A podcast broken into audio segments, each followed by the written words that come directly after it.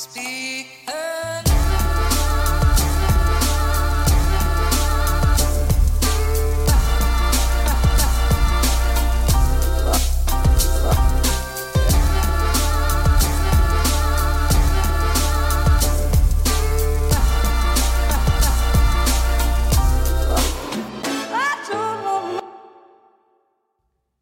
dag, mine damer og herrer. Velkommen hit til Klagemuren. Det er onsdag, faktisk. Den 30. juni.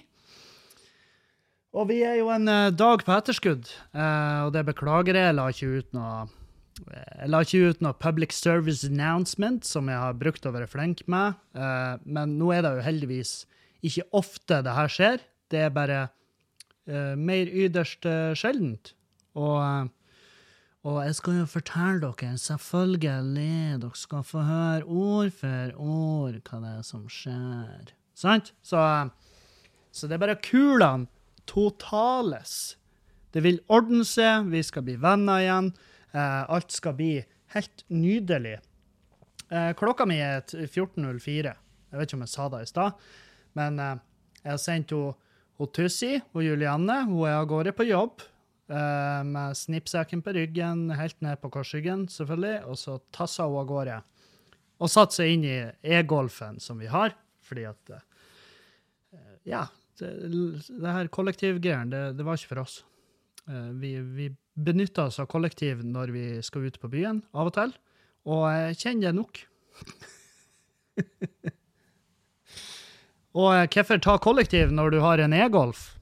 Jo, det er et godt spørsmål. Når du har en så, en så upåklagelig, fantastisk bra bil som en Volkswagen e-golf, så tar du ikke buss. Med mindre det er under fem grader ute. Da må du la e-golfen stå. For da er ikke da en bil lenger, det er en rambukk, eller, eller mer en bobslede. Eh, Så du, den vil ta det fra A til B, men du bestemmer ikke hvor B er. Sant? Så, eh, så da så. Men eh, ja, grunnen til at det ikke ble podd i går, er fordi at eh, det er noe utflytting i huset her.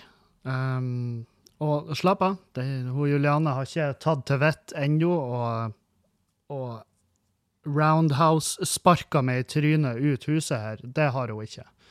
Det er jo min nevø, Andreas, som drar herifra. Han flytta ut og skal fortsette eh, sitt voksne liv en annen plass. Og det var jo etter avtale. Det har ikke skjedd noe. Det er ikke noe, det er ikke noe dramatics innblanda her. Eh, men han det, det var så Så dagen i går gikk liksom litt sånn der Det var, eh, det var trafikk i trappen, og jeg hjalp ikke sånn særlig mye til, men det er jo fordi at han eier jo en PC og noen klær, så det var, det var liksom ikke største største vendinga. Men det var mye gåing i trappen, mye trafikk i huset her, og så kom Juliane hjem fra arbeid, og så fikk vi middagsgjest. Og så Og så bare var dagen borte. Så um, Men herregud, hvor stille det er. ja, når de ungene forlater redet, da er det da du går på veggene. Da, da, da er det altfor stilt i huset. Ja, det, det er veldig stille. Og og nå var jo ikke han den mest bråkete uh, leietakeren å ha heller, for han holdt seg som regel Altså, han, han trivdes godt i eget selskap, da.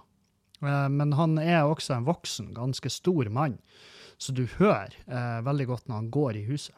Det er ingen tvil om at det er et annet menneske her. Eller at vi er med og spiller inn eh, real life conjuring. Eh, det kan det òg være.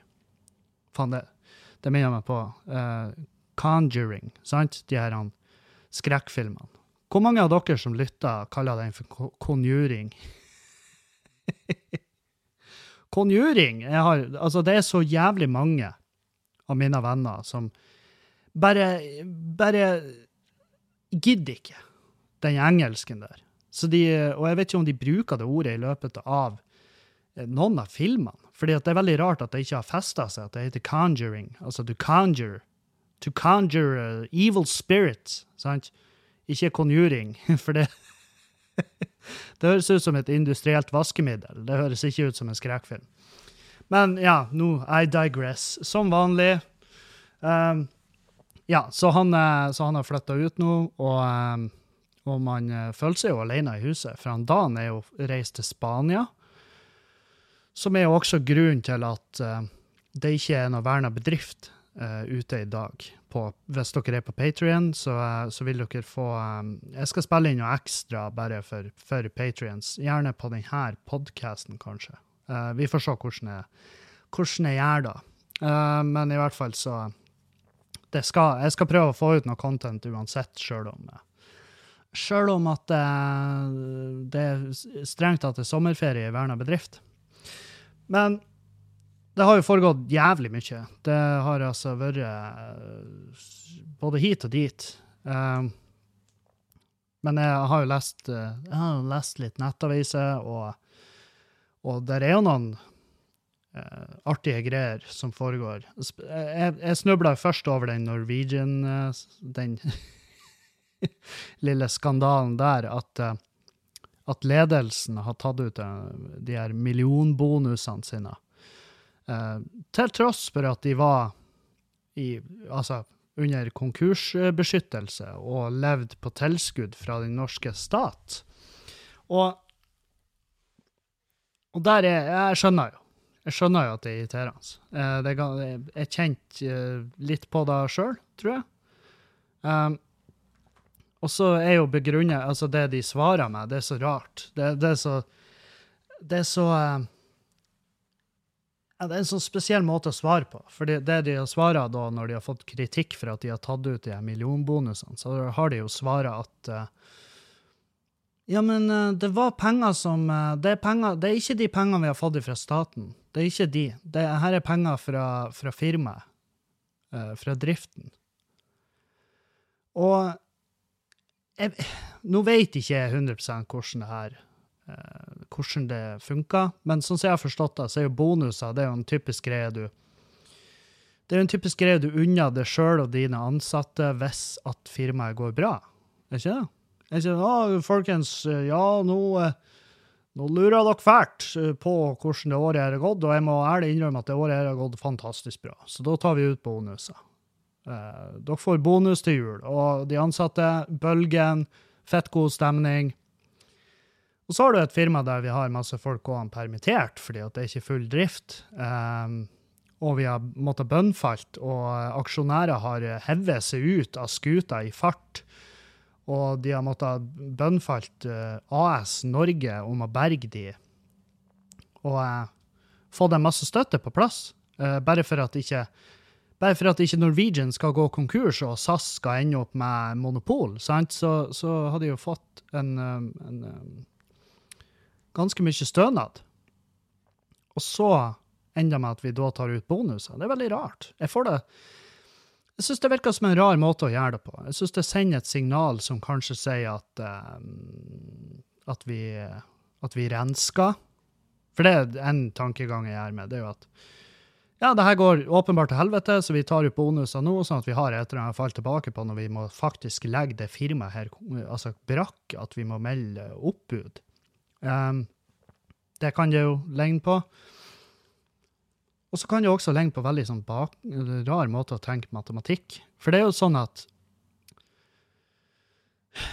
OK, hvordan skal jeg si det her på enklest mulig måte? Peder har 100 kroner. Um, Peder har også ei husleie på 800 kroner. Så, så uh, Nav, eller uh, sosialhjelpen, går inn da og bidrar med 1000 kroner til han Peder. Og så betaler han husleia, og takker veldig fint for de pengene, og så tar han resten av de pengene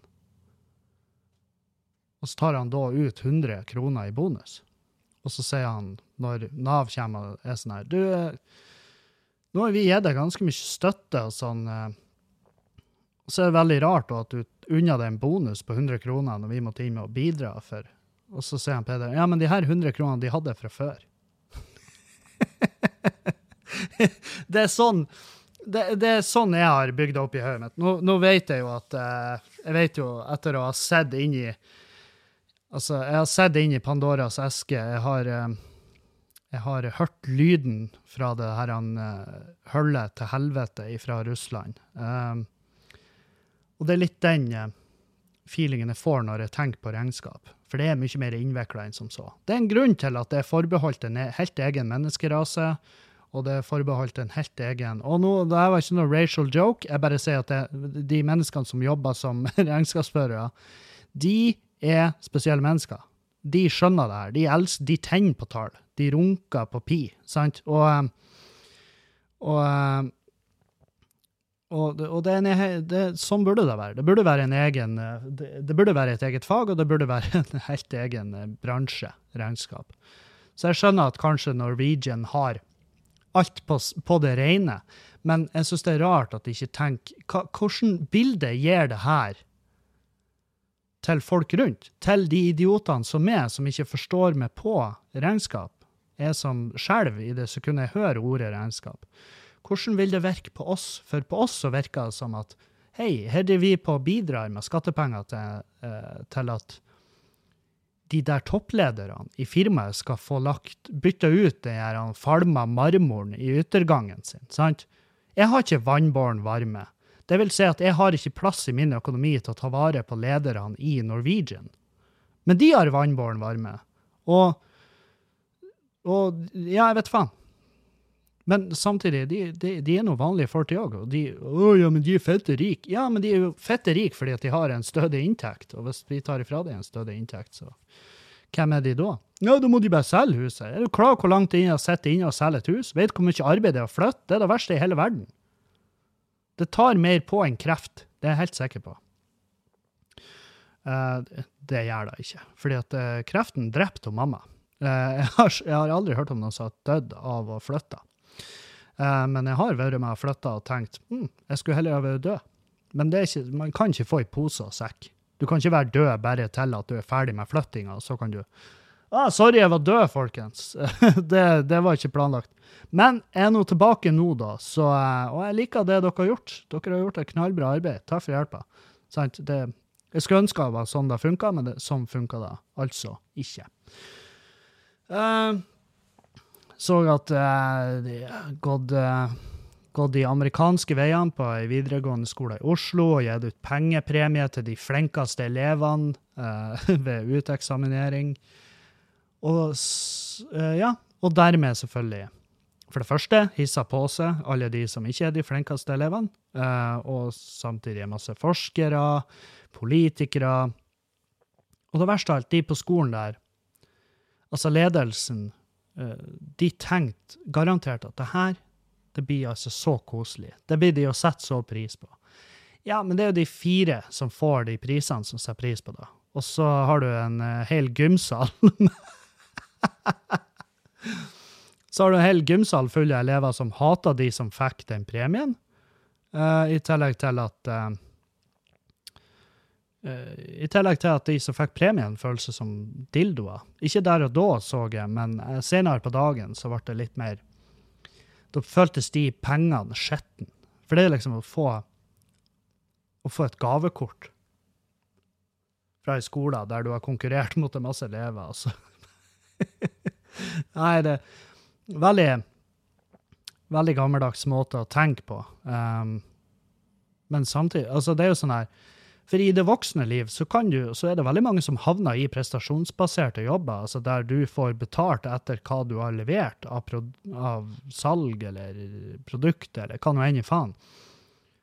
Hvor liksom hardt arbeid lønnes, eh, og det er liksom et av de argumentene. da, At ja, men man må jo lære de tidlig at hardt arbeid lønnes.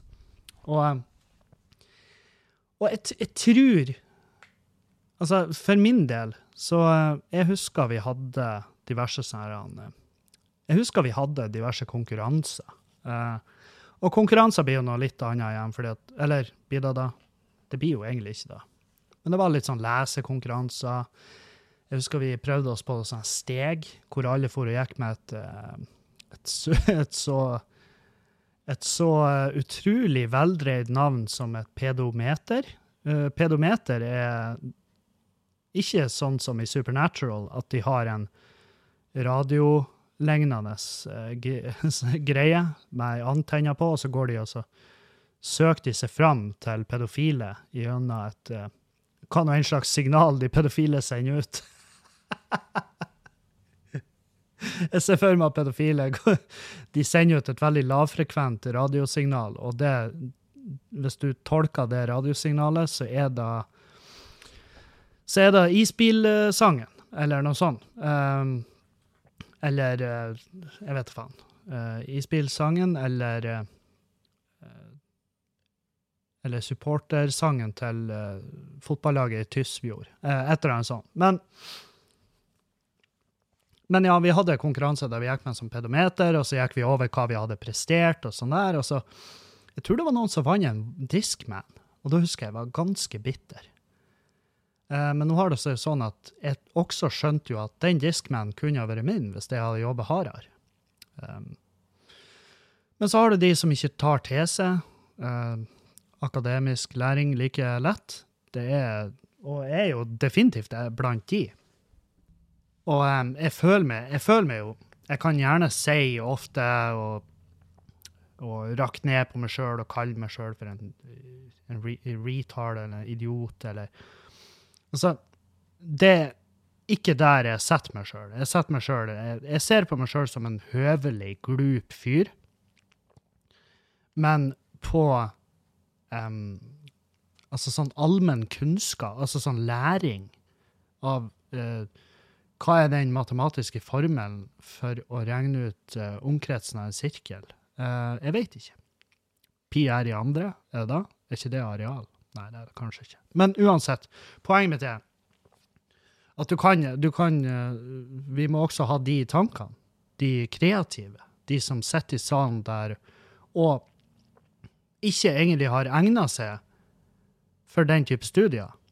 Og det er jo sånn, ja, det er kjipt, kjipt å sitte og se på, i hvert fall hvis du har jobba kuken av det, men du føler at du ikke strekker til. Det er en jævlig følelse. Men for min del så ødela, ødela ikke da noe særlig av mitt voksne liv. Jeg bare ikke kom ut og hadde på en måte mer kartlagt mine egne begrensninger. Og det kan høres negativt ut. altså Man kan tolke det i de retninger at um, det er jo veldig mange som vil si det er ingen begrensninger. Du kan, gjøre, du kan bli hva du vil. Du kan faktisk bli hva du vil. Nei, det kan jeg ikke. Jeg kan ikke bli kirurg. Eh, fordi at For det første, jeg har ikke hodet til det. Jeg har ikke Jeg har ikke fargesyn. Sant? Fargesyn er holdt tilbake av en vel, høvelig normal feil med øynene mine. Sant? Hvor det er noen nerver som ikke er connecta, så de leser ikke alle fargene som dere vanlige gjør. Og, og, det er naivt å si at du kan bli hva For du kan ikke det. det. det. er på ekte. Du kan ikke det. Fordi at noen har anlegget, og noen har det ikke. Jeg har ikke anlegget til å studere en dag etter videregående yrkesfag. Det har jeg bevisst for meg sjøl.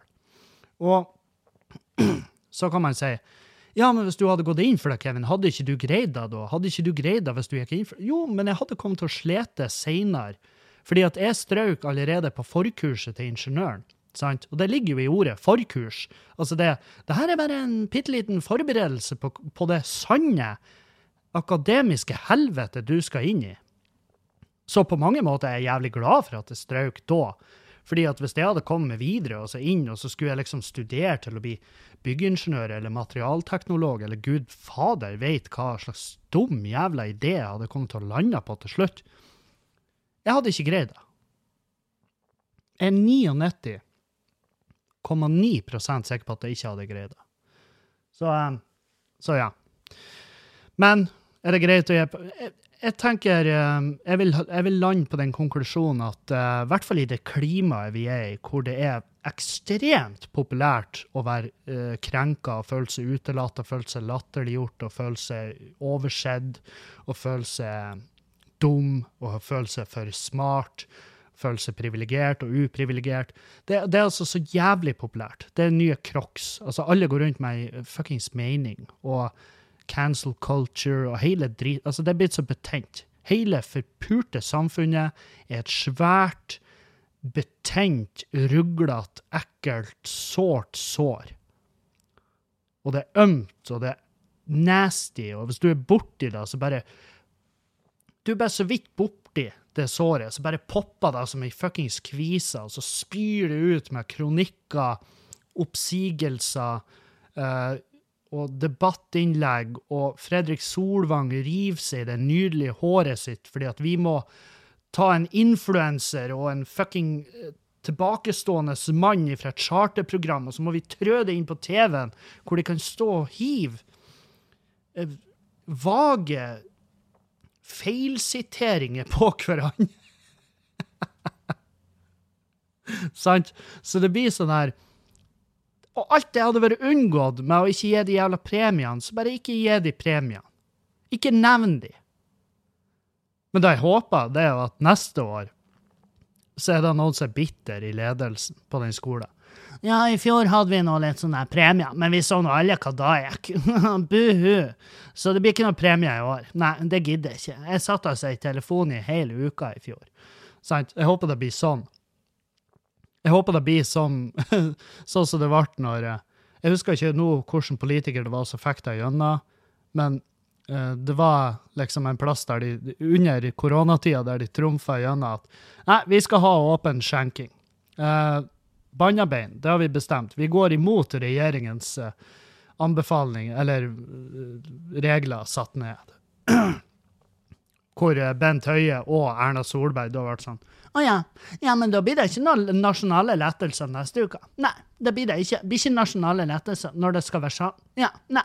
Det ble sånn her åpenbart cunty, åpenbart bitter, åpenbart bare ren 100% velsmurt økologisk drit. Sant? Så um, Nei. Uh, skip de premiene. Skip støyet. Sant? Gi faen i premiene. Ingen blir såra, ingen blir lei seg. Uh, folk holder kjeft. Folk går videre med livet sitt, som er jo til syvende og sist ubetydelig uansett. Uh, bare ferdig. Takla. Ferdig takla. Ferdig diskutert. Fordi at det aldri vært en diskusjon. Fordi at premiene ble aldri delt ut. Fordi at noen tok en vurdering at oh, nei, i dagens klima så tror jeg vi har bedre suksess med å ofre en kattunge på, stein, på et sånn steinalter oppe her, i håp om at det, det offeret til gudene skal gi de unge en bedre fremtid. Jeg tror da var det lettere å argumentere for. For da hadde jeg liksom Dyrebeskyttelsen har vært ute og sagt ja, faen, det her er helt horribelt, og alle stemmer i, at det er horribelt. Og så hadde det vært glemt om ei uke. Da hadde de funnet noe nytt å forbanne seg over. sant? For da var det sånn Ja, nei, vi har en, det, vi, vi, har en lærer som tror Har ei ja, litt sånn eh, spesiell eh, neo...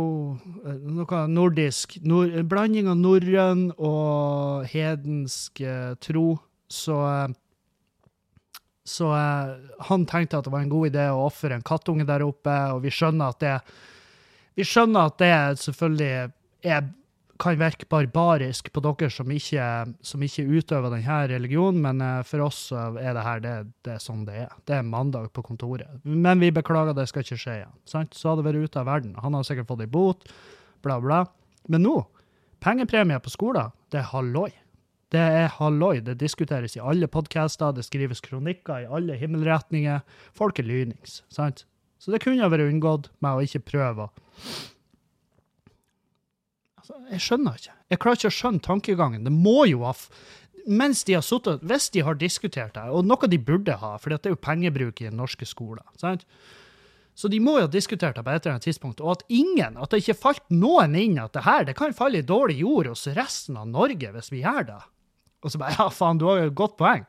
Vi skal jo trekke fram flinkisene, og så skal vi gi faen i de som gjerne kunne ha trengt mer hjelp. Sant? Fordi at hvis du har fem flinke elever i en klasse, så er ikke da bevis på at du har fem flinke elever i klassen. Du har et bevis på at det er 25 andre elever som trenger mer oppfølging. Det er jo da du sier. Du premierer jo din egen Det er jo en fallitterklæring. Du premierer jo din egen feiling som lærer. Det er jo Det er jo da du gjør. Liksom. Herregud, Lise, det her det hadde du et teft for. Du, her har du gavekort på 1000 kroner. Hvordan, altså, det, det, det, her er jo fantastisk. Jeg er veldig stolt av det som lærer. Og hun bare, ja, men nå har nå jeg aldri trengt hjelp av det, for jeg var et vidunderbarn. Jeg har lest all, alt. Jeg har lest all denne pensumet. Det har jeg lest på en sommer i, i sjette klasse, og da kunne jeg det. Det du skulle gjort, er å ha mer fokus på de elevene som faktisk sleit gjennom de her årene, og heller fått de opp og fram. Ja, altså, ja, nei, eh, det her, det, det hører jo at det er jo en betent jeg, jeg tror jeg trekker meg sakte tilbake, og så sier jeg at uh, godt jobba, uh, lykke til videre i livet. Sant? Det, nei. Nei, jeg får deg til å stemme. Men hva skjer? Jo, jeg har en uh, Kjennes ut som jeg har ei flis i svelget mitt. Kjennes Og det her er um, Jeg vet jo at uh, smerter i svelg kan være symptom på korona, så jeg har bestilt meg en test. Um, men det er kun da jeg har òg. Jeg har ingenting annet. Jeg har ikke noe Jeg er vel litt slapp, men det tror jeg er fordi at det foregår jævlig mye nå. Men jeg har av og til sånn stikkende smerte jeg, i svelget når jeg prater eller svelger. Og, um, og jeg håper jo selvfølgelig at det her ikke er korona. Men hvis det skulle vise å være korona, så må vi bare ta det derifra. Um, men det som irriterer meg, det er at uh, det her han Jeg lurer på om jeg er på tur å bli hypokonder. Eller om det er bare at alderdommen tar igjen um, fornuft. Eller jeg vil ikke kalle det fornuft, men det tar igjen nervene, kanskje. Og så er det jo da at når mamma fikk kreft For første gangen mamma hadde kreft, det var jo i spiserøret. Og da var det gjerne sånn at hun oppdaga det med at det stakk i svelget. Så det er litt der. Og mamma er død, sant? Så det, så, så det um, Så jeg er litt sånn her får, På akkurat den her så burde jeg vel egentlig ha lov til å være Til å være sånn her ah, faen òg. Men jeg skal jo ta den koronatesten. Og det kan jo være så mye Det kan være en kan være en påbegynt forkjølelse. Det kan, det kan jo være alt. Det kan være at uh, jeg har, jeg har festrøyka i helga. Kan være da. Det kan være så mye rart, sant? Uh, men jeg håper jo selvfølgelig ikke det er kreft. Håper ikke det er korona. Håper det er bare jeg som festrøyka. Tror du ikke det? Jeg tror vi sier at det er det, så er vi ferdig med det. Um, I helga um, I helga så har jeg vært i Lofoten. Jeg har vært i Lofoten, og uh, der har vi hatt Lofoten standup-festival. Jeg reiste oppover, jeg og Juliane vi pakka tingene våre, og så reiste vi oppover på torsdag. Vi reiste oppover på, til Svolvær på torsdag fordi jeg hadde blitt booka også til å gjøre en, en uh, firmajobb for Tone Hotell Lofoten, som er i Svolvær, på fredag. Og da, tilbud, da fikk jeg tilbud om å liksom få et rom der, og så kunne jeg liksom reise opp dagen før, ta med fruen, og så kunne vi slappe av litt og skjemme oss sjøl bort litt. Skjønner? Og det føler jo Julianne fortjener. Og eh, så jeg solgte inn. Hun gikk for tilbudet. Vi reiste oppover til Tone hotell Lofoten i Svolvær på torsdag. Vi kommer inn der, blir jo bestandig, som bestandig, møtt med Ja, altså, det er noe rart med det jævla hotellet der. Fordi at det er jo, det er jo i Svolvær. 6000 innbyggere. Det, det, er liksom, det er veldig smått. Det er veldig smått, men det, jeg syns det er flott plass. Og det hotellet, det er bare Altså, de kunne sittet det hotellet der midt i Oslo, og det ville vært fortsatt et av de beste i byen. Skjønner? Altså, det er bare noe med de ansatte der som er virker genuint glad for å se det, som er veldig bra. Uh, enten så er de bare fantastiske servicefolk, eller så er det bra skuespill. Og jeg, jeg, jeg, tror de brenner for servicen. Og det her Jeg vet det her høres ut som en reklame, men det er det ikke. Jeg bare elsker Jeg liker å, um, å trekke fram de gode, sant? Og akkurat nå så er den den første jeg tenker på, det er Tone hotell Lofoten. Uh, så hvis du skal opp til Lofoten, Svolvær, rundt der, ta spander deg et av de bra rommene på det hotellet, og så nyter du. For den frokosten er helt fantastisk. De ansatte er helt super. Maten i restauranten er nydelig. Og det er, bare, det er bare genuint fint å være der. Så tusen hjertelig takk til, eh, til dere i Svolvær. Det var en kjempekos å være hos dere. Um, og så på, på fredagen sant, så var jo den gigen, og den skulle være klokka 13.00 for, eh, ja, for de ansatte. For de, hadde, for de driver på å sette opp et nytt hotell der. Det åpna når som helst nå. Og det er veldig sånn det er veldig artig. De har et dritsvært tonehotell i, i, en liten by med veldig få innbyggere. Og så går det så bra, det hotellet, at de bare like gjerne smekka opp et tellet som er bare like, og mye mer fantastisk igjen. Og det, og det her hotellet er fitte nytt fra før av, så nå setter de opp bare et til. Det er liv laga, og det, det syns jeg er fett. Og, og Nei, så, så, så, kom jo den gigen, da. Eh, klokka ett på en fredag i, uh, i, kultursalen der. Veldig fin sal. Elsker å opptre i den salen. Uh, ganske mye folk. Uh, veldig mye unge folk, og det er veldig mye unge folk som svært tydelige er hva, hva man skal kalle det, sliten. De er bare sliten. De er utmatta. De hadde ei hard uke med masse kursing, de kjenner ikke hverandre, for det her er liksom de nyansatte på det nye hotellet. Um, så det er liksom det er ingen, de, de, er ikke så godt kjent med hverandre, og de er slitne etter ei uke med kursing. Tilbakemeldinga på standupen var, var bra, altså. Jeg så Jeg hadde fin øyekontakt med de aller fleste, for det her var jo midt på dagtid. Uh, men uh, det er utrolig hvor jeg merker da at her er det uh, flere ting. Altså, for det første, de har ikke fått i seg noe alkohol.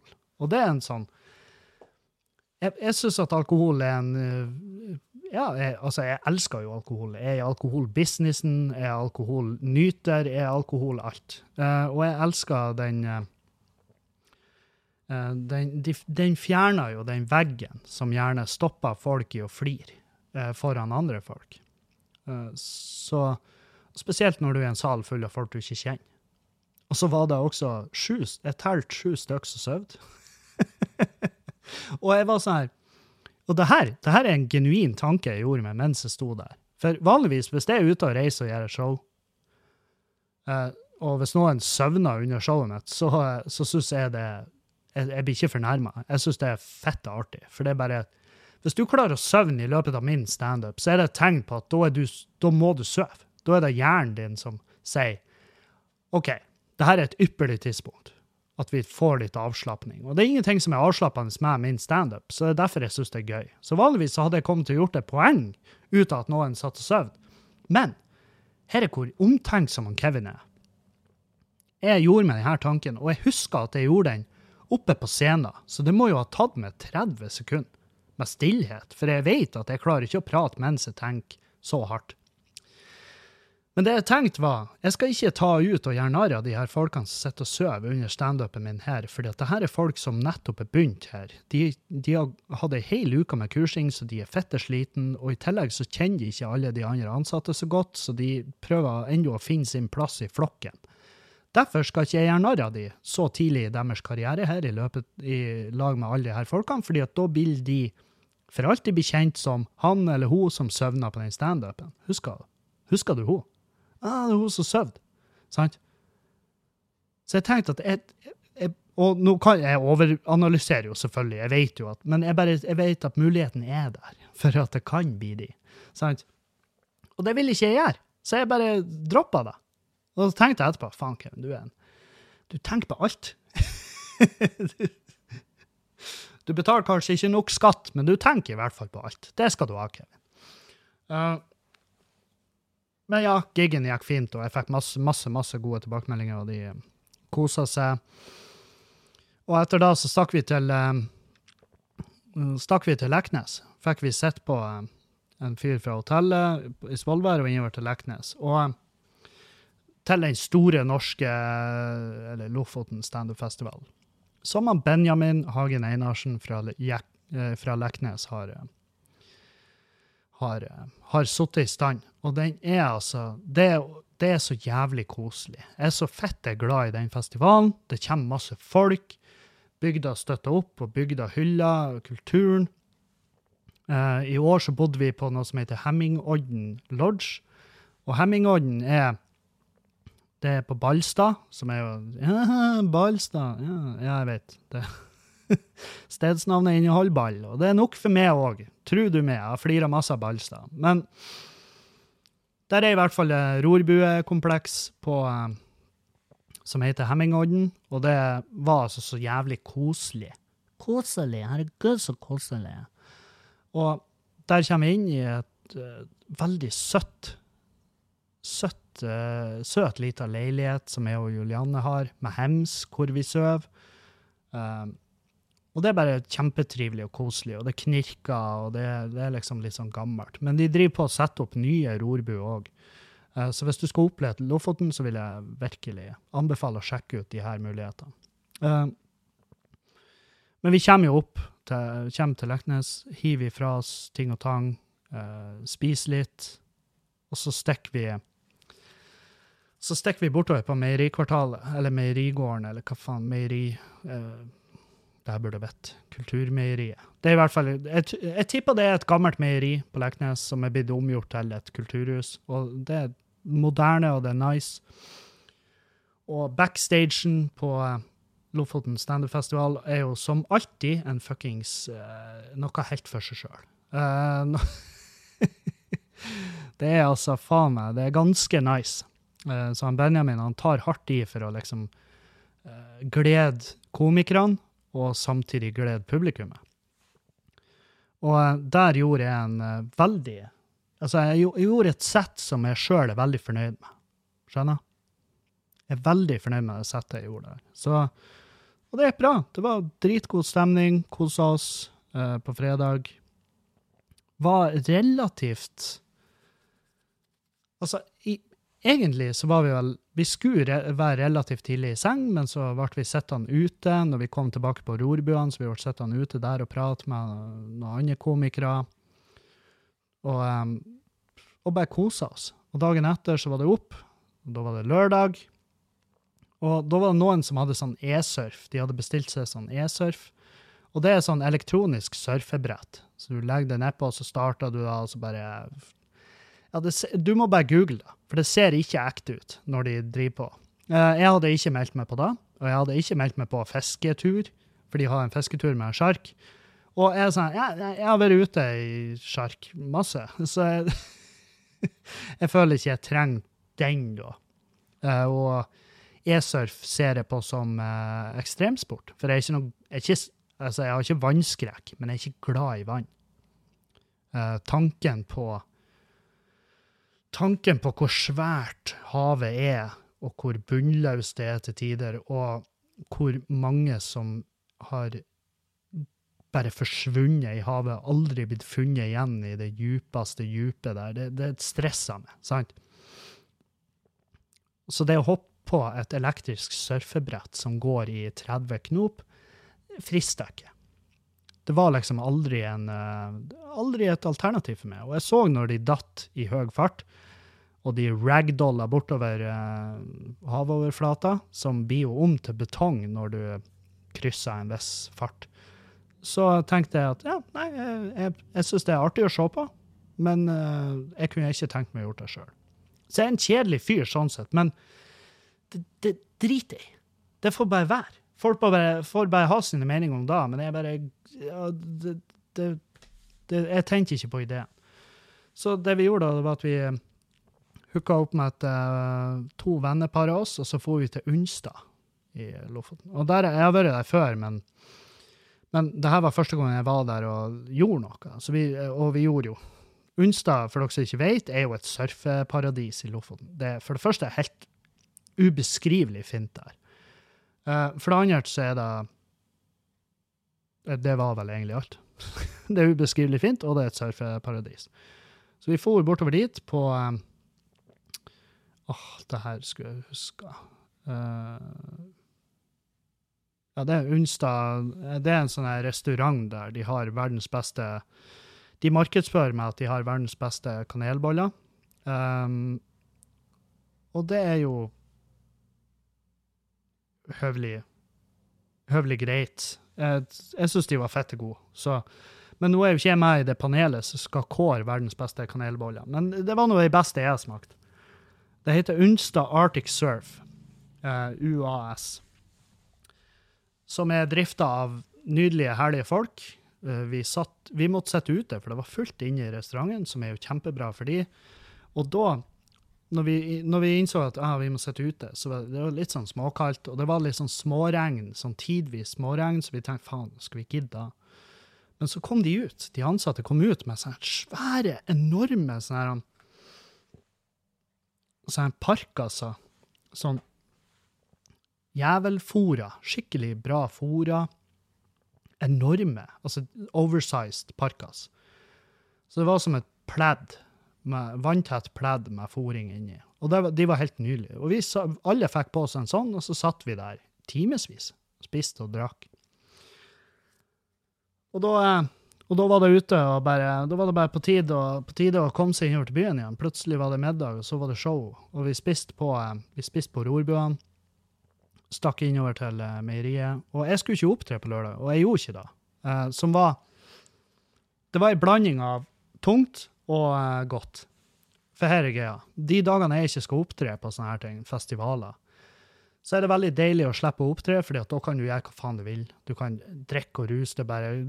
Ha det, hva faen du vil, innenfor lovens rammer, selvfølgelig. Og, um, men, men du, jeg, når jeg kom backstage, så jeg går jo fortsatt og stresser. Jeg går og stresser som om jeg skal opptre. Og det er litt tungt. Det, det, den kjente jeg på. For det var sånn, å faen, kan ikke jeg slippe det stresset her? Hvis det uansett ikke skal opptre. Og jeg og Juliane, vi ble veldig tidlig, veldig dritings. Så eh, det var en periode der vi gikk og bare drakk vann og kaffe og, eh, og lettøl. Jeg tror det var rundt nitida. Åtte-nitida allerede på kvelden. Og det skulle jo være en sen kveld. Det var jo, det var jo stipulert med late night standup òg. Så, så vi gjorde de grepene vi må ta for å kunne være der ut kvelden. Og eh, vi greide oss. Vi, var, vi for vel litt før de andre, men ikke sånn lenge før de. Um, men da var vi bra sliten, så da var det rett på hytta. Så var det het fylleelskov, og så var det søvn det sto på. um, men ja, når jeg Når jeg har vært oppe i Lofoten og hengt i lag med så jævlig mye bra komikere, så um, masse hyggelige folk, og um, så blir jeg veldig sånn uh, det, Jeg merker at hver gang jeg er på de her turene, så får jeg utfordra den her den her uh, distriktspolitikk, altså det her med sentralisering og så videre og så. Jeg, og jeg, jeg er så jævlig imot det. Jeg er så imot at vi skal sakte, men sikkert stenge ned utkanten og bare samle det i byen. Og et, det er jo litt det her, har vi egentlig tenkt over hva som er konsekvensen av, av, eh, av sentraliseringa, og det er liksom kutte ut tilbudene ut i utkanten? Fordi at nå vet jeg jo at Lofoten kunne de jo aldri ha tenkt seg å sentralisere. altså fordi at turismen er en så svær del av, eh, av eh, inntekten til Norge generelt. Jeg vet ikke hvor nå har ikke jeg satt meg inn i hvor mange prosenter av bruttonasjonalprodukt som kommer direkte fra turisme, men det, det må jo være litt. Um, men jeg får jo det her Uansett så er jeg bare så imot det, fordi at det er så jævlig mye sånn historie og karakterer og, og greier fra distriktene som ikke ville ha oppstått hadde de vært i byene. fordi at stygt å si, men mange av de har kommet til å bli tidligere fanga opp av systemet. Um, jeg tror ikke dere altså Hvis du ikke, hvis du ikke flirer i lag med meg der, så kan det, kan det hende at du, du ikke skjønner. Uh, men altså, poenget mitt er bare at uh, jeg vil ikke ha vært der foruten. Jeg kommer jo fra bygda sjøl, og jeg har jo mine eh, ambivalent forhold til eh, min egen bygd. Og det, det er masse grunner til det. Der er jo f.eks. det her familiære aspektet. At, eh, At man ikke har det samme forholdet til familie som man en gang hadde, fordi at man har innsett en del ting, og man har ja, bare slått seg til ro med at ja, greit, vi, vi deler kanskje DNA, men vi deler jo veldig lite ellers. Og der er ikke sant, ting som er blitt gjort og sagt som ikke kan tas tilbake, osv. Så, videre. så det er litt sånn der, da. Men, men jeg vil ikke ha vært foruten. Jeg, jeg tror at hvis jeg hadde vært oppvokst i en by, så tviler jeg på at jeg har vært standup-komiker nå. Uh, og jeg tviler på at jeg har sittet på de erfaringene jeg sett på. Jeg tviler på at Julianne noensinne hadde lagt to øyekast på meg. Det, det, er masse ting som, som uh, spiller inn der. Men, men, hvis jeg skal dra deg ut av det bildet at det handler om meg Å, herregud, Kevin, skal du gå ut av narsissismen? Ja, jeg skal faktisk ta en snartur ut av den boksen der jeg er Der er hovedpunktet i simulasjon. Uh, for det er veldig naivt å tro. Men det som er det som Det er så mye rart der, og det kan jo høres ut som en standup-bit, men vil vi egentlig ha distriktene inn i byen? Sant? Bygdetampen har ikke lyst til å henge med byfisene, og vice versa. Det, det, det er det er, det er ikke nødvendigvis beste blandinga. Skal vi, eh, skal vi bare Hvis vi en dag bare sier Dere, hvis du bor i en kommune med mindre enn 10 000 innbyggere, så er det her din første varsel. Pakk skiten din, du skal til by. Nærmeste byen. En ting er jo alt det her med selvfølgelig Folk kunne demonstrert så mye de vil, og gå i tog med bunaden på. og Ikke stenge ned bygda vår. Ja, det får nyhetsbildet Altså, det preger nyhetsbildet i uka, men avgjørelsene er tatt. Ingen bryr seg, egentlig. Ja, dere har en stemme, og dere skal høres, men det er også veldig veldig opp til oss å ignorere dere, sånn som vi har gjort i alle år. Sant? Det er jo det som blir å skje. Og så blir folk furt og lei seg fordi de må selvfølgelig forlate hus og hjem og den landlige omgivelsen som de har søkt etter. Og hvis du skal ha noe tilsvarende i nærheten av en by, så må du ut med 25 millioner, og det har ikke du råd til fordi at du var lærer på den skolen som nettopp ble lagt ned. Og de lærere og sykepleiere får jo ikke lønn, de får klapp fra balkonger og og de får uh, Hva var det de fikk, sykepleierne? De fikk sånn gave, som bonusgave. Da var det Det var noe penner og noen paraplyer som var Det var en paraply, ja. Stemmer det?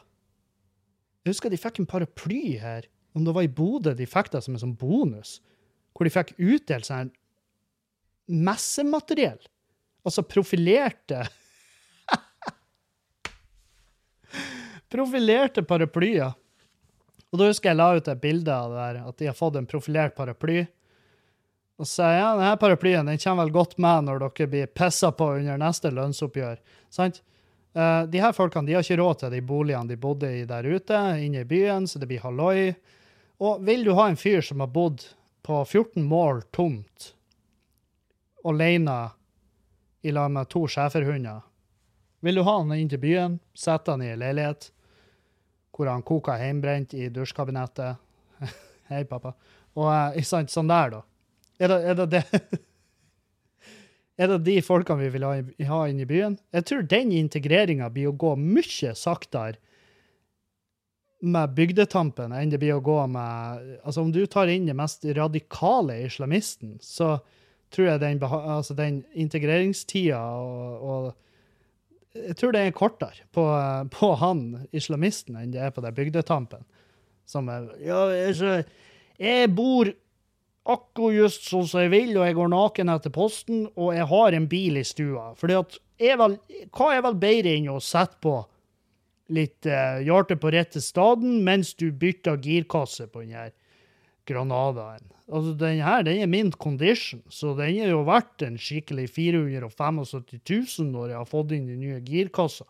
Men når jeg har fått inn den nye girkassa, så skal du være trygg på at jeg skal parkere den i hagen i lag med de 30 andre bilvrakene under en presenning. sorry. Og der skal han stå. Og så skal han rente seg, og så, og så selger han Jeg tror jeg selger han aldri. Eh, men uh, men uh, de hundene mine skal jo utleve med, sant? Så, og de må jo arve et eller annet, for hva skal de gjøre når jeg er borte? Så Balto og Buck de får jo da huset og den granadaen, og så får de også den frimerkesamlinga til faderen. Det ligger jo på loftet der. Men det kan hende at det er litt møllspist, men det tror jeg egentlig bare setter litt mer sjarm på den samlinga. Sant? Det, det er begrensa hva vi egentlig burde gape over her, for vi greier ikke å integrere folk som kommer utenfra. Og skal vi integrere våre egne distrikt inn i byen? det er ikke Det er ikke plass. Det er ikke plass til at Tokyo Drift eh, Tokyo Drift eh, konkurransekjøring i parkeringshuset på City Nord. Da er det heller at de holder seg på en traktorvei ute i distriktet. Og misforstå meg rett, er distriktet er hjertelig velkommen i byen. Det er i hvert fall for min del. Og jeg, jeg syns bare det er artig. Um, men jeg, jeg, tror på ekte det hadde blitt et arbeid å uh, få de uh, Altså fordi at Jeg kan si med hånda på hjertet Det er altså noen helt forskjellige tilstander.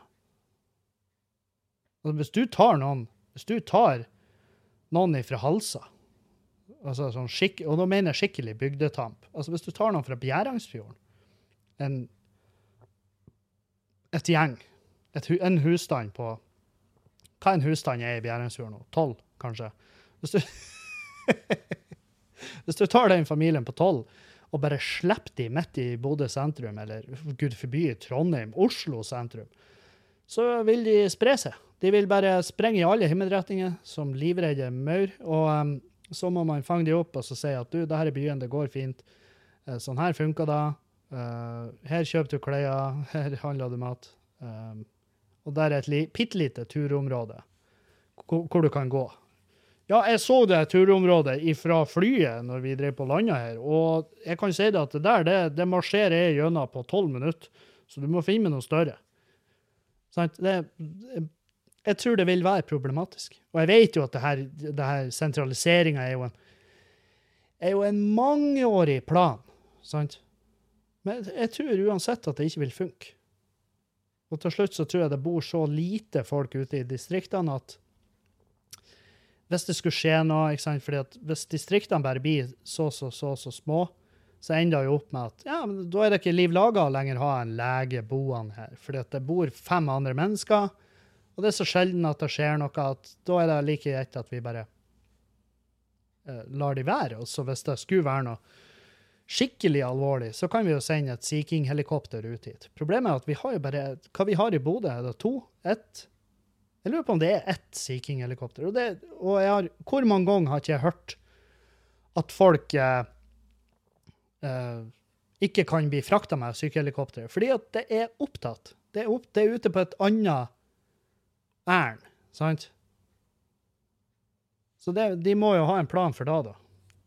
Og så er det jo også da at det å ha en lege i bygda er jo bedre enn å vente på et helikopter som svarer det når du ringer. Bare, ja, vi må ha et helikopter. Det er en fyr her som har en uh, telefonstolpe gjennom rævhølet og ut kjeften. Og bare, OK, ja, det høres ille ut. Eh, hvis Nå har det seg sånn at det helikopteret, sykehelikopteret, det er Sea Kingen. Den er jo henta en 150 kilos eh, tysk turist som knakk ankelen på tur opp Keiservarden. Så hvis dere kan bare vente litt, så hadde det vært helt strålende.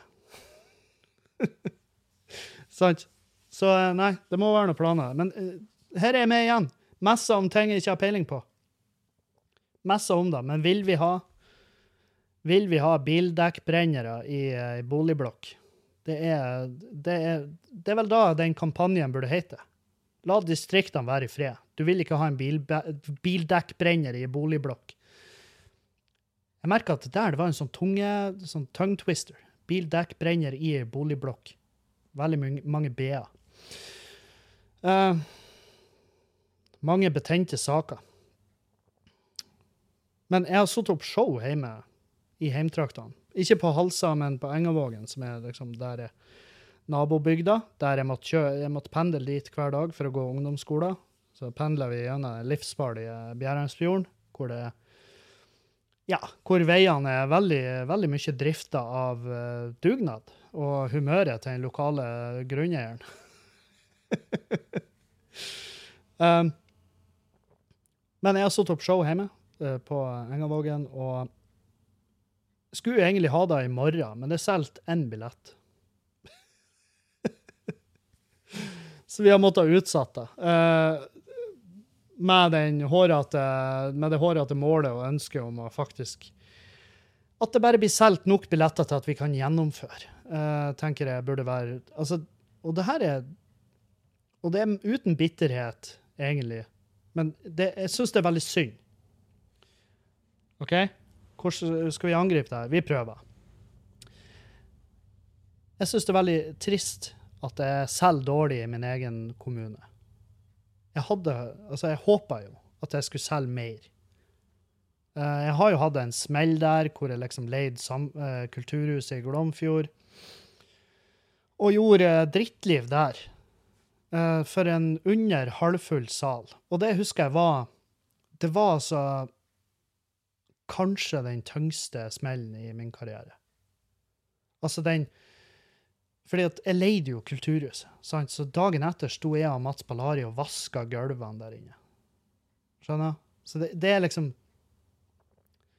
når det, når det er den Altså, du, du, går, du går den veien. At du, at du booker sjøl, tar reiser sjøl, tar rigg av lyd og lys. Um, jeg hadde Bådin var inne og tok seg ølutsalget. Og så selger man under halvparten av billettene i min egen kommune. Var sånn, da husker jeg tenkte faen òg, hvem tror du du er? Og det er jo, og det, er jo det de sier. sant? For det her er greia. Det er jo da de sier men Hvis du aktivt um, Hvis du er fra bygda, og det er noen som har flytta fra bygda og gjort seg relativt stor karriere i, på landsbasis som musiker eller komiker eller hva nå enn, så, så er det veldig fort at det blir den eh, At man får den, eh, den holdninga tilbake. At du, du eh, Det er ikke bare å komme hjem. det er ikke bare å komme hjem og liksom så er du the shit. Nei, nei. Du, du må prestere bedre. Når du da kommer hjem, så må du levere. Sant? Det er den. Og, og det er ikke jeg imot, men jeg skulle jo selvfølgelig ønske at det var i hvert fall solgt noen billetter. Jeg vil jo gjerne bevise det. For det er liksom, jeg kan ikke bevise det for tre stykk. Jeg må jo bevise det for flere. Så jeg kan ikke bygge meg opp fra tre stykk. Men, ja, men tre stykk nå, da er det ni stykk neste gang du opptrer, og så er det 18 ganger etter. Nei, ikke nødvendigvis. Det kan hende at de tre stykkene syntes det var så jævlig ubehagelig å sitte der alene i en sal mens jeg sto og gjorde standup, at de bare sa til seg sjøl at fy faen, aldri mer. For det tror jeg er mer Jeg tror da er mer eh, eh, mer plausibelt enn eh, den eh, eksponentielle økning-teorien. Så eh, Men vi har utsatt til 15. juli, eh, i håp om at vi skal i hvert fall selge nok til at det kan bare med hånda på hjertet, god økonomisk samvittighet for å gjøre det showet. Og um, også fordi at jeg har lyst til å møte mine gode venner som er fra den kommunen. Bare henge med de og ta en øl og prate. Hva har skjedd siden sist? Sant? Men det er, det er en evig, evig greie, det. Jeg husker jeg husker jeg og han Jodski. For han Jodski, Jørgen Noreng, uh, hele Ja, hele En av de første store hiphoperne fra Norge som rappa på norsk. Virkelig hadde en finger med i veldig mange spill, og sikkert et og annet rævel òg. Um, og stor. Virkelig en stor artist. Han er fra Ørnes, i Meløy. Jeg er fra Halsa i Meløy. Vi bestemte oss for å sette opp et show i lag hjemme på Halsa, på Samfunnshuset der. Og heller ikke der var vi utsolgt. Men det jeg husker, det var at For jeg skulle gjøre standup først, først, og så var det konsert etterpå med Jodski. Og da husker jeg at vi solgte ikke ut. Uh, tror var halvveis der òg, faktisk. Jeg kommer og gjør standup. Det gikk for så vidt uh, veldig bra. Veldig god stemning, folk kosa seg. er fornøyd. Går av. Jodski går på. Da ser vi at det har tyntes i salen. Det er veldig mye mindre folk der. Og um, etter hvert så bare går mer og mer folk forsvinner. Og da var det sånn Hva faen det er som skjer? Altså, vi har endelig spilla Jørgen Norheim i Meløy. For første gang på uh, Hva var det han sa? 15 år? 10 år? Altså, noe helt sinnssykt. Det har gått så jævlig lang tid siden sist han var der. Og, og eh, på slutten der, det var altså Det var lite. Det var lite folk igjen. Og det var, jeg, jeg fikk vondt i meg av han, for jeg tenkte eh, det her var ikke det noen av oss hadde sett for oss. Og da fant vi ut at Hør her. Da fant vi ut at puben hadde ekstraordinært åpent og solgt brennevin. Eh, rett borti veien. Så det var dit folk hadde stukket av, fordi der solgte de brennevin. Så det var smekk fette fullt på det lille motarrangementet til den lokale puben. Eh, og sånn som jeg forstår, så hadde de ikke vanligvis åpent på den dagen. Men i og med at det har skjedd noe, så skulle de nå ha åpent, de òg. Så folk hadde stukket bort dit for å drikke Jeger Red Bull, og eh, Og da husker jeg det var veldig artig, for vi har jo kalla det her showet 'Profet i egen hjembygd'. Og, eh, og Losvik, Martin Losvik fra Losvik kommune hadde ordna en dritbra plakat som vi var sykt fornøyd med. Og, og, og det var liksom så artig at vi kalla det profet i egen hjembygd, fordi at vi skulle liksom bevise at du kan bli profet i egen hjembygd, og så var bygda tilbake og bare bevisst at nei, da kan du ikke. Du skal bare ta, så, ta, det lille, ta den stoltheten over ditt eget virke og stikk den langt opp i det eh, betente lille rævhølet ditt, fordi at her skal du Altså, du kommer deg aldri så brått ned på bakken som du gjør når du kommer hjem til din egen heimplass. Det er, det er banna bein. Og det her er ikke noe, det her er ikke meg som trasher min egen kommune. Det er en felles greie for artister. Jeg er på ingen måte alene om å føle det her. Altså, det er så mange artister som bare har vært sånn her Vet du, jeg opptrer faen ikke hjemme. Jeg kan ikke opptre hjemme, og, og jeg skjønner hvor det kommer fra. Men jeg, jeg har ikke lyst til å liksom legge det dødt og, og si at nei, ikke jeg heller. Jeg har ikke lyst til å bli en del av den statistikken. For jeg vil hjem og opptre. Jeg vil hjem og opptre, men jeg vil aller mest at folk skal ha lyst til det. Så det er vel den jeg kjenner på. Jeg kjenner veldig godt på.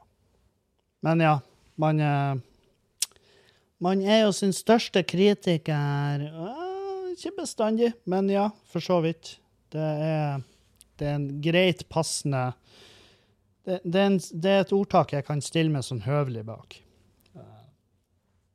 Men det er altså Jeg er jo full av usikkerhet, sant? Det vil jeg bestandig være.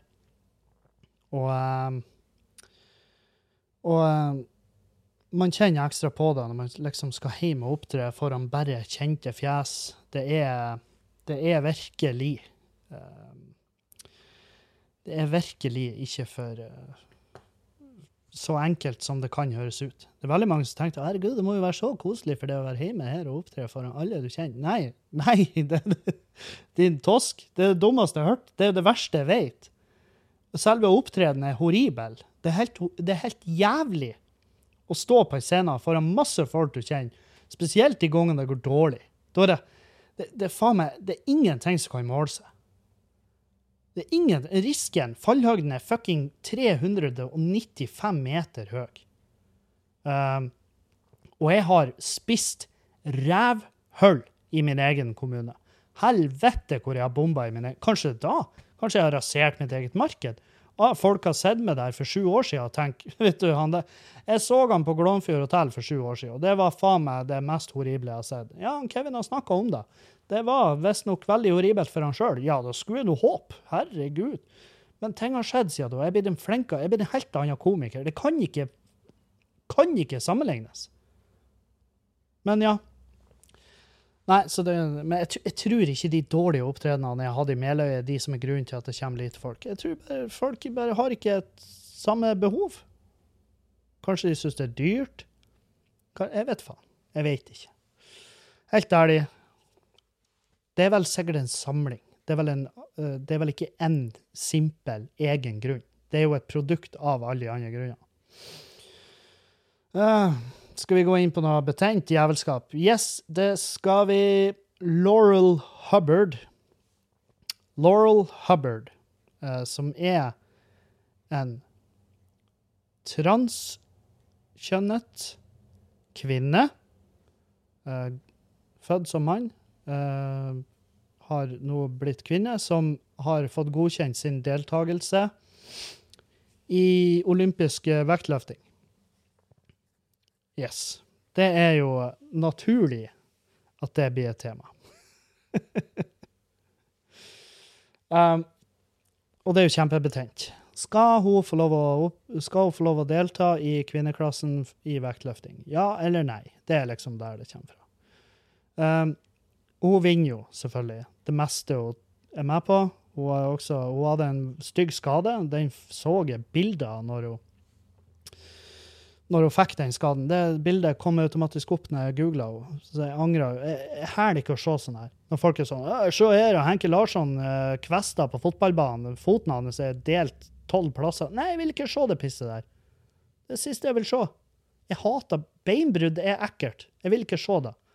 I hvert fall når beinpipa stikker ut. Altså, du har et åpent brudd. Nei takk, sier nå jeg. Eh, men i hvert fall, Laurel Hubbard er, var vel født eh, Dick Hubbard, tror jeg. Og gjennomgikk en operasjon for å bli kvinne. Hadde løfta vekter før og etter operasjonen.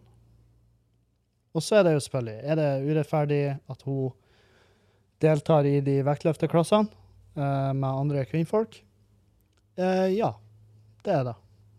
I min mening. I min mening er det, eller, det, det er urettferdig. Og det vil gjøre at flere detter av, og mindre, eh, mindre cis-kvinner. det er så sykt at det er et uttrykk. Eh, fordi at cis er hvis du identifiserer det med det kjønnet du fikk utdelt. Så hvis du er en cis-kvinne, så er du født kvinne, og, og, og har slått deg til ro med at du er kvinne. At du identifiserer det med det kjønnet du fikk tildelt ved fødsel. Eller jeg vet ikke når det skjer. Når får du utdelt kjønn? Når går et embryo over fra å være et embryo til å bli enten en liten eh, potensielt fremtidig kvinne eller potensielt fremtidig mann? Når blir det valget tatt? Eller det, jo, det er jo ikke et valg, men når blir, når blir det gjort? Helvete. Merker dere hvordan jeg navigerer det her minefeltet her for å prøve å ikke tråkke på noe tær? Skal vi prøve å bare legge det bort, bare gi faen? Vel, her er min reflektering rundt det. Laurel Hubbard, født i 1987, hvis ikke jeg husker helt feil, så to år eldre enn meg igjen. Uh, Bytta kjønn i 2000-årene. Um, hadde løfta en del vekter før der, eh, og jeg så liksom det ene argumentet fra en lege, utdanna lege, og det, da er det ikke lege innen varme steiner og reiki, men en lege innenfor medisinsk felt bygd på eh, bygd på empiri, hadde sagt at det var generelt bare urettferdig, fordi at det her er noen som har gått gjennom en eh, mannlig pubertet. Noe som gjør ganske heftige greier med muskeltetthet og beintetthet. Her, og, det, og i tillegg så er Laurel Hubbard en stor person. Det er en stor kvinne. Uh, så, så det automatiske tankegangen min er at eh, det er urettferdig. Men hvordan skal vi løse det her? For Laurel Hubbard fortjener jo å få lov å løfte vekter. uh, hun er jævlig dyktig òg, så det er liksom Ja, hva vi gjør da? Skal vi, la, skal vi liksom tvinge henne Du har en du har en mannlig, eh, du har en mannlig fysikk. Du har, man, du har en mannlig tetthet i muskelfibrene, tetthet i beinfibrene etter din mannlige pubertet. Derfor så må du opptre i mannfolkklassen. Er det så Er det dit vi vil? Uh, eller så er jo det motsatte er jo Ja, selvfølgelig skal du opptre i kvinnfolkklassen. De, de andre kan ikke måle seg. Nå har jeg vært inne og sett på resultatene uh, til Laurel, og hun har jo vunnet stort sett det hun har vært med på, men det har ikke vært knusende seire. Det har det ikke vært. Jeg trodde, helt ærlig, så trodde jeg at det gapet skulle være større. Så det viser jo at uh, der er virkelig potensial for å slå henne. Uh, men da hadde det vært artig å se liksom Jeg kan jo gå inn og se hvordan presterer hun La oss si, for hun er i 87 kilo pluss-klassen, så vil si, og hun er vel 120 kilo eller noe sånt. Så hun er svær. Um, men da hadde det vært artig å se liksom, hvordan presterer hun kontra mannfolkene i samme vektklassen. Det er jo da jeg skulle gjort. Dumme Kevin. Det er jo den researchen du skulle gjort, ikke det her andre pisset.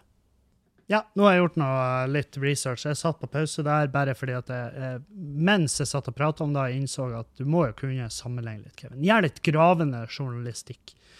Um, så, på um, 87 pluss-klassen total, som er jo den hun deltar i, uh, så hadde hun snatch og clean and jerk, altså to forskjellige løft, men total på 268 kilo. Um, hvor det mannfolket i i, i, i uh, den samme klassen hadde 354 kilo total. Ikke sant? Og da er det Og da skjønner man jo at det- det er jo en forskjell fortsatt der. Eh, men det kan jo også bare være et tegn på at ja, hadde hun vært mann, mannfolkklassen fortsatt, så hadde hun bare ikke vært dritflink. altså, hun hadde, ikke, hun hadde ikke vært en deltaker som hadde blitt uh, Sjøl om når hun ennå var uh, før hun transitiona, før hun opererte seg, så hadde hun juniorrekorder og sånn. Hun opererte seg i 2012, mener jeg sto her. Opererte seg i 2012, uh, og løfta ikke løfta ikke vekter før i 2017. Så. Uh, så, og der er jo krav. Du må ha en viss uh, De tar hormonprøver for å sjekke at du ikke har for mye av det mannlige hormonet, og du skal ligge under en så så høy verdi for å kunne delta eh, som transperson. Og eh, 112 frem til Altså 2012 frem til 2017, det er jo, det er jo en stund. Men når hun da gikk i gang i 2017, så siden da så har hun vunnet. Eh, Stort sett da hun har vært med på. Så hvordan skal man løse det her? Hvordan skal man løse det her hvor alle er fornøyd, og det ikke blir et enormt frafall av de proffe deltakerne innenfor kvinnelig vektløfting? Skal man liksom eh, segmentere det mer? Skal man ha en egen transklasse? Er da noe smart? For det vil jo bare Det vil jo doble eh, arbeidet. Altså, det vil jo dobbel, altså, det vil jo bli mye mer arbeid, det vil bli mye mer sett ned på. De vil eh, De som havner under den kategorien, vil føle seg mer båssatt, kan jeg se for meg. At oh, ja, så bare fordi jeg har uh, skifta kjønn, så kan ikke jeg delta her. eh.» Ja, men Karl Erik, du har jo ennå ikke skifta navnet ditt. Eh, Så det må jo være en viss eh, overgangstid der. Og jeg skjønner at det her kan høres usympatisk ut, og at man bare vitser det bort, men det er jo vanskelig å ikke For det første er det vanskelig som komiker å ikke gå rett den veien og ha lyst til å vitse det her bort. Og eh, det er vel i USA der er en sånn eh, bryter i kvinneklassen som har vært født mann. Eh, og jeg har sett videoer av de brytekampene der, og det er, det er jo intet annet enn ganske horribelt å se på. Altså, det er jo ren jævla kvesting. Sant?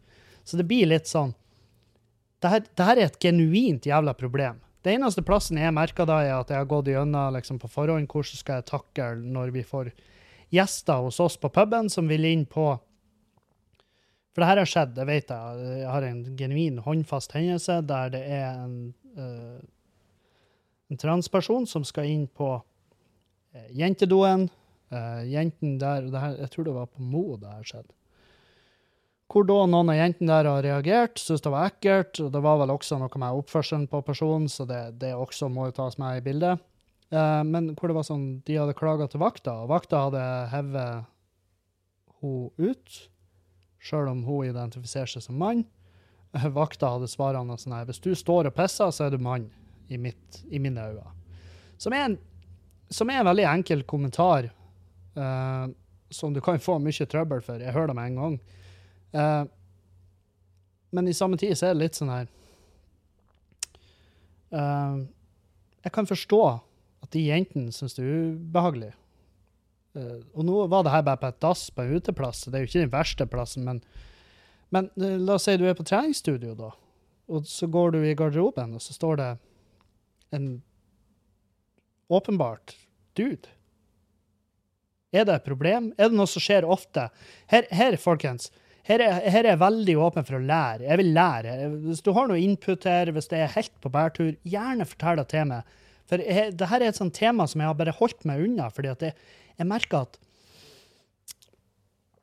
her er det veldig rom for at jeg låser meg fast, at jeg kjører meg inn i ei lita, lomme, ei lita rasteplasslomme, og, og eh, så ender jeg opp med noe trøbbel. Eh, Fordi at er bare prater meg bort. Uh, kommer ikke fram til noe, sier noe som kan uh, tas ut av kontekst og merkes som veldig usympatisk. Og, og uh, ignorant. Og hei, jeg er ignorant. Det er derfor jeg spør dere om hjelp her. Bare bestandig ta utgangspunkt i at jeg er en ignorant jævel og har ikke peiling på hva jeg snakker om, fordi det vil gjøre alt mye lettere. Det vil gjøre alt mye lettere. Og det er lenge til jeg blir å skrive en kronikk om hva jeg sånn. Her er noe hva Kevin synes om at Laurel Hubbard løfter vekter. Um, men jeg har jo lest liksom de kommentarene fra de andre deltakerne i den klassen, hvor, den, hvor, det, hvor de sier de samme tingene. Det kommer til å, sørge, det kommer til å bare å resultere i frafall, det kommer til å bli ødeleggende for sporten. Uh, men hvordan skal vi takle det her? Jo, det er et kjempegodt spørsmål. Det er altså et jævlig godt spørsmål. Jeg ser for meg at eksempel hvis man endrer vektklassene i, i den eh, delen, altså den kvinnfolkdelen av sporten der, og for så vidt i mannfolket Nå, nå, eh, nå vet ikke jeg hvor mange Nå vet ikke jeg hvilke sporter der det blir aktuelt at det går motsatt vei. Sant? Hvilke sporter For jeg kommer ikke på noen i full fart der kvinnfolk bare presterer mye, mye bedre enn menn. Ja, det var jo eh, Der òg gjorde jeg googling, og det var jo ikke Det er jo, det er jo ikke noe spesielt. Der er tester, eller der er forskning som viser at eh, topp, topp, topp, topp, altså topp 1 sjiktet av ultraløpere, altså sånne her helt psyko langdistanseløp, eh, kan eh, kvinnfolkene måle seg med mannfolk. Og så er det også litt uh, skyting, uh, litt bueskyting, Um, den type ting. Men det er jo, altså, den mannlige kroppen er jo kraftigere. Den har en tettere muskeltetthet, det har jeg lest, og jeg stoler på at det er sant. Så det kommer for alltid til å være et jævlig betent tema, det her. Jeg er bare jævlig oh. Jeg er bare jævlig spent på hvordan de skal løse det. Og jeg er så jævlig glad at det ikke er min oppgave å løse det. Det er bare min oppgave å sitte her og, og være en tosk og bare Ja, ja, men eh, Og dra de vanlige vitsene. Bare, ja, men hvordan skal hun få tid, og hvordan skal hun få tid å løfte nok vekter når hun egentlig burde være å løfte ut av oppvaskmaskinen? Ja, det er en veldig enkel vei å gå, og det er, ikke, og det er virkelig ikke sånn jeg tenker. Jeg blir kvalm inni meg hver gang jeg hører noen dra de vitsene der. Ikke fordi at de er så jævla diskriminerende, jeg bare fordi jeg syns de vitsene er så fette dårlige. jeg jeg, jeg syns jeg og alle rundt som hører på, fortjener bedre. Um, nei, så hva faen? Hva skal man si? Um, og det var alt for uh, dagens podkast, rett og slett. Uh, vi skal komme tilbake igjen neste uke, Uh, og da skal jeg prøve å få lagt ut på tirsdag. Og nå skal jeg spille inn resten sånn der. Så blir han på Patrion. Så hvis du er på Patrion og hører på podkasten der, så stay tuned. Eh, Det kommer til å fortsette.